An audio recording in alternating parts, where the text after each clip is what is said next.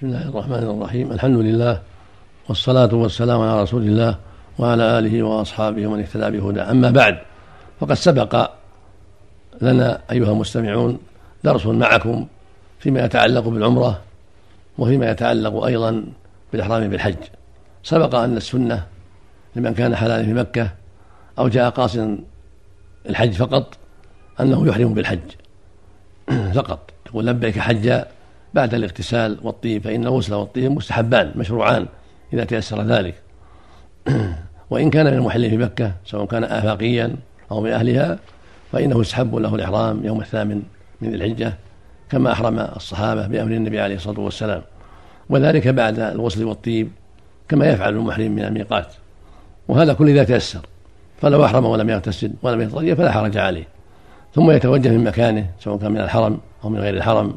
من مكة وغيره يتوجه إلى منى ملبيا. يقول لبيك اللهم لبيك لبيك لا شريك لك لبيك إن الحمد والنعمة لك والملك لا شريك لك. وليس عليه وداع إذا أراد الخروج مكة لمنى ما في وداع بل يمشي من منزله إلى منى. فإذا أتى منى صلى بها الظهر يوم الثامن ركعتين والعصر ركعتين والمغرب ثلاثة والعشاء ركعتين والفجر بسنتها ثم بعد طلوع الشمس يشرع له التوجه إلى عرفات. كما توجه النبي صلى الله عليه وسلم والمسلمون إلى عرفات ويلبي في طريقه وإن كبر وسبح وهلل كله طيب لأن بعض الصحابة كانوا يلبون في طريقهم إلى عرفات وبعضهم يكبر ويهلل ولا ينكر, ينكر أحد على أحد فدل ذلك على التوسعة وأن من لبى فلا بأس وهو أفضل ومن كبر وهلل فلا بأس. وينبغي المؤمن في هذه المواضع أن يعتني بالتوبة إلى الله والإستغفار من الذنوب وأن يصدق في ذلك ويتحرى الندم على ما مضى من ذنوبه والعزم أن لا يعود فيها مع الإقلاع منها غاية الإقلاع. فإن هذه المشاعر ينبغي فيها الخضوع لله عز وجل والتوبة إليه والاستكثار من أنواع الطاعات والقربات لأنها مشاعر عظيمة مفضلة فإذا أتى عرفات نزل بها وصلى بها الظهر والعصر قصرا وجمعا بأذان واحد وإقامته بعد الزوال مبكرا هذا هو الأفضل. وإن صلى مع الإمام مسجد نمرة فهو أفضل إذا تيسر له ذلك. فإن لم يتيسر صلى بجماعته كل إنسان يصلي بجماعته وأصحابه يصلي بهم الظهر ركعتين والعصر ركعتين جمعا وقصرا بأذان واحد وإقامتين كما فعله النبي صلى الله عليه وسلم. ثم يتوجه إلى القبلة مذاكرا داعيا يسأل ربه من خير الدنيا والآخرة في مكانه من عرفات لأنها كلها موقف. النبي صلى الله عليه وسلم لما وقف في أسفل الجبل عند الصخرات قال وقفت ها هنا وعرف كلها موقف. هذا من تسهيل الله جل وعلا. فأنت أيها الحاج تقف في أي مكان عرفة في غربها أو شرقها أو جنوبها أو شمالها حول الجبل أو بعيدا عنه لا تشق على نفسك. في أي مكان وقفت فقد أصبت السنة إذا كان إذا كنت في عرفات. وعلاماتها معروفة لها علامات وأمارات معروفة تبين عرفة. فاسأل عنها إذا لم تعرف وتبصر في ذلك. وأقم في عرفات حتى تغيب الشمس. أقم فيها حتى تغيب الشمس يوم التاسع. وأنت مشغول بذكر الله وطاعة الله مشغول بالدعاء. ومن أفضل الذكر والدعاء أن تقول لا إله إلا الله وحده لا شريك له له ملك وله الحمد وهو على كل شيء قدير. سبحان الله والحمد لله ولا إله إلا الله والله أكبر ولا حول ولا قوة إلا بالله. سبحان الله وبحمده سبحان الله العظيم. لا إله إلا أنت سبحانك إني كنت من الظالمين. لا إله إلا الله مخلصين له الدين ولو كره الكافرون. لا إله إلا الله ولا نعبد إلا إياه. له النعمة وله الفضل وله الثناء والحسن. وهذا اليوم يوم عظيم يوم عرف يوم عظيم. لم يرى الشيطان في يوم فيه أدحر ولا أحقر ولا أذل من هذا اليوم إلا ما كان منه يوم بدر لما رأى من ظهور الدين ونصر الدين. هذا اليوم يوم ينبغي فيه الإكثار من ذكر الله والإكثار من الاستغفار والإكثار من الدعاء. وقد جاء عنه صلى الله عليه وسلم أنه قال ما من يوم أكثر عتيق من النار من يوم عرفة وإن الله لا يدنو فيباهي بأهله الملائكة. هو يوم عظيم. ينبغي لك فيه عبد الله الخشوع والإقبال على الله والاستكثار من الدعاء والذكر. في هذا الموقف العظيم إلى أن تغيب الشمس. ومن الدعاء الحسن أن تقول اللهم إني أسألك الجنة وما قرب إليها من قول وعمل وأعوذ بك من النار وما قرب إليها من قول وعمل.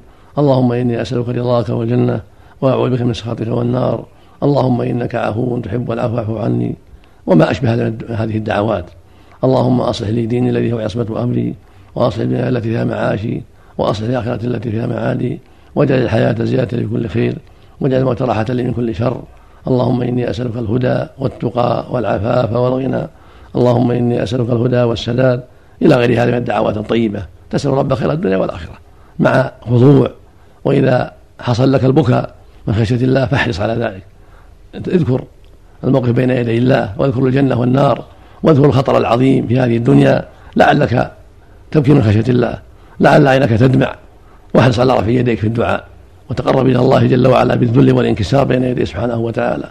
هو يوم عظيم يوم تعتق فيه الرقى من النار تجاب فيه الدعوات تقال فيه العثرات تغفر فيه السيئات. فأكثر من الذكر والدعاء لعلك تجاب ولعلك تعتق من النار. فإذا غابت الشمس فانصرف ملبيا إلى مزدلفة. تقول لبيك اللهم لبيك لبيك لا شريك لك لبيك إن الحمد والنعمة لك والملك لا شريك لك. ولا تخرج من عرفات ابدا حتى تغيب الشمس. هكذا فعل النبي صلى الله عليه وسلم. ومن تأخر عن عرفات وأتاها في الليل كفاه ذلك. من تأخر عرفات أو شغل عن ذلك فأتاها بالليل وذكر الله فيها ثم انصرف إلى مزدلفة كفاه ذلك والحمد لله. لكن من وقف نهارا فليستمر كما وقف النبي صلى الله عليه وسلم حتى تغيب الشمس. ثم إذا اتيت مزدلفه تبدا بالمغرب والعشاء. صليهما بأذان واحد وإقامتين. المغرب ثلاث والعشاء اثنتين ركعتين. بأذان واحد وإقامتين كما فعل النبي صلى الله عليه وسلم. ثم تبيت بها. تبيت بها إلى الفجر وتصلي بها الفجر ركعتين مع سنتها ركعتين كما فعله النبي عليه الصلاة والسلام. ثم بعد ذلك تستقبل قبلة في مزدلفة. وتذكر الله وتدعو رافعا يديك حتى تسفر كما فعله النبي صلى الله عليه وسلم. تكثر من الدعاء والذكر حتى تسفر. فإذا اشتد إذا اشتد إذا أسفرت جدا انصرفت إلى منى قبل قبل طلوع الشمس. لأن الرسول صلى الله عليه وسلم انصرف إلى منى إلى انصرف من منى إلى مزدلفة قبل طلوع الشمس بعدما أسفر. هكذا السنة هكذا السنة. ويجوز للضعفاء أن ينصرفوا من مزدلفات في آخر الليل. الرسول رخص للضعفاء كالنساء وكبار السن والصبيان ومن معهم من من يحتاجون إليه ومن ركب معهم ينصرفون إلى إلى إلى منى في أثناء الليل بعد نصف الليل. لأن الرسول رخص له في ذلك عليه الصلاة والسلام. ومن صبر وبقي حتى يصلي الفجر فهو أفضل. ولكن لا بأس أن ينصرف الضعفاء من النساء والصبيان والكبار. ومن معهم ممن هو معهم في السيارات لا حرج ينصرفوا إلى منى في آخر الليل. والأفضل بعد غروب القمر. هذا هو الأفضل. وبكل حال ينصرف في آخر الليل فلا حرج عليه إن شاء الله. كما رخص النبي صلى الله عليه وسلم للضعف في ذلك. ولو انصرف غير الضعف من الكبار أجزأه ذلك لكنه ترك الأفضل وترك السنة السنة للأقوياء أن يصبروا حتى يصلوا الفجر وحتى يقفوا مشعر بعض الشيء يدعو الله ويذكر يدعون الله ويذكرونه حتى يسفروا هذه السنة. لكن لو أن بعض الأقوياء انصرف مع الضعفاء في أثناء الليل يعني في آخر الليل فلا حرج في ذلك إن شاء الله. ثم إذا أتى الضعفة منى فلا بأس يرموا جمرة في آخر الليل جمرة العقبة بسبع حصيات يكبر مع كل حصاة ولا بأس يتوجه إلى إلى مكة للطواف ولا سيما إذا كان معه نساء لئلا يحدث بهم حادث يمنعهم من الطواف. فإذا توجهوا إلى مكة في آخر الليل آه، وطافت وطافوا بالكعبة وسعوا سعي الحج فلا حرج في ذلك. والأفضل البداءة بالرمي. في آخر الليل يبدأ بالرمي سبع حصيات جمرة العقبة. يكبر مع كل حصاة ثم يتوجه إلى مكة إذا أرادوا ذلك. ومن بقي في منى حتى يذبح هديه ويحلق رأسه أو يقصره ثم يتوجه إلى مكة في النهار فهذا أفضل إذا تيسر ذلك. ومن توجه في آخر الليل بعد رمي الجمرة من الضعفة ونحوهم إلى مكة للطواف والسعي فلا حرج في ذلك. وإذا رمى وحلق أو قصر تحلل التحل الأول. وهكذا لو رمى أو طاف تحلل التحل الأول؟ فيلبس المخيط إذا كان رجل ويغطي رأسه ويتطيب والمرأة كذلك إذا رمت الجمرة يوم العيد أو في آخر الليل وطافت أو قصرت من رأسها هذا التحل الأول. لها أن تطيب لها أن تقلم أظفارها لكن لا يحل لها الزوج لا يحل النكاح حتى يكمل الأمور الثلاثة الرمي والحق والتقصير والطواف والسعي لمن عليه سعي. فإذا كمل هؤلاء حل له كل شيء حرم عليه بالإحرام. إذا رمى جمرة يوم العيد وحلق أو قصر وطاف طواف الحج وسعى إن كان عليه سعي بهذا يحل التحلل كاملا من النساء وغير النساء. أما إذا بقى عليه واحد من هذه الثلاثة بأن رمى وحلق أو رمى وطاف أو طاف وحلق هذا يتحلل التحلل الأول. يلبس المخيط ويطيب يقلم أطفال لا بأس لكن يبقى عليه تحريم النساء كما جاءت به السنة. وإذا رمى الجمرة فقط وتحلل أجزأ ذلك التحلل الأول.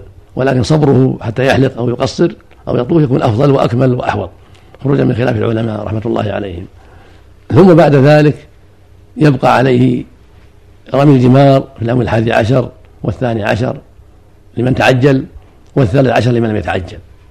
يرمي الجمار الثلاث كل واحدة بسبع حصيات بعد الزوال في اليوم الحادي عشر والثاني عشر. ويكبر مع كل حصاة كما فعل النبي صلى الله عليه وسلم. ويستحب له أن يقف بعد رمي الجمرة الأولى عندها بعد الرمي يدعو ربه ويرفع يديه جائلا لها عن يساره.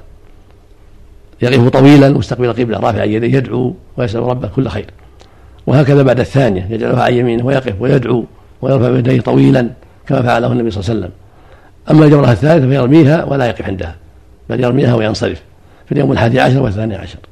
ومن لم يتعجل وأحب أن يقيم رماها أيضا في اليوم الثالث عشر رمى الجمرات الثلاث مثل ما رماها في الحادي عشر والثاني عشر. ويستحب له الوقوف عند الأولى والثانية للدعاء والضراعة مع رفع اليدين واستقبال القبلة. هذا لمن لم يتعجل. أما من تعجل في يوم الثاني عشر فلا بأس. بعد الجمرات يتوجه إلى مكة ويطوط طواف الوداع إذا أراد الخروج والسفر. وإلا اقام بمكة حتى حتى يعزم على السفر. فاذا عزم على السفر طاف للوداع سبعة أشواط ليس فيها سعي. هذا طواف الوداع. أما طواف الحج فالافضل يكون يوم العيد. هذا هو الأفضل. أو في آخر الليل لمن تعجل لمن لمن صرف من مزدلفه في آخر الليل. هذا هو المشروع. ويبيت في منى أيضا. ليلة الحادي عشر والثاني عشر. يجب عليه المبيت في منى. في هاتين الليلتين. ومن لم يتعجل بات الليلة الثالثة أيضا كما فعله النبي عليه الصلاة والسلام. وإذا رمى الجمار يوم الحادي الثاني عشر للمتعجل أو الثالث عشر لمن لم يتعجل بعد ذلك انتهى حجه. إذا كان قد طاف طواف الإفاضة وسعى انتهى حجه. والحمد لله. ما بقي عليه إلا طواف الوداع. يطوف الوداع عند خروجه يعني عند عزمه على السفر يطوف سبعة أشواط من البيت ثم يسافر. والحائض والنفساء ليس عليهما وداع. ونسأل الله للجميع التوفيق وصلاح النية والعمل وصلى الله وسلم على نبينا محمد وعلى آله وأصحابه.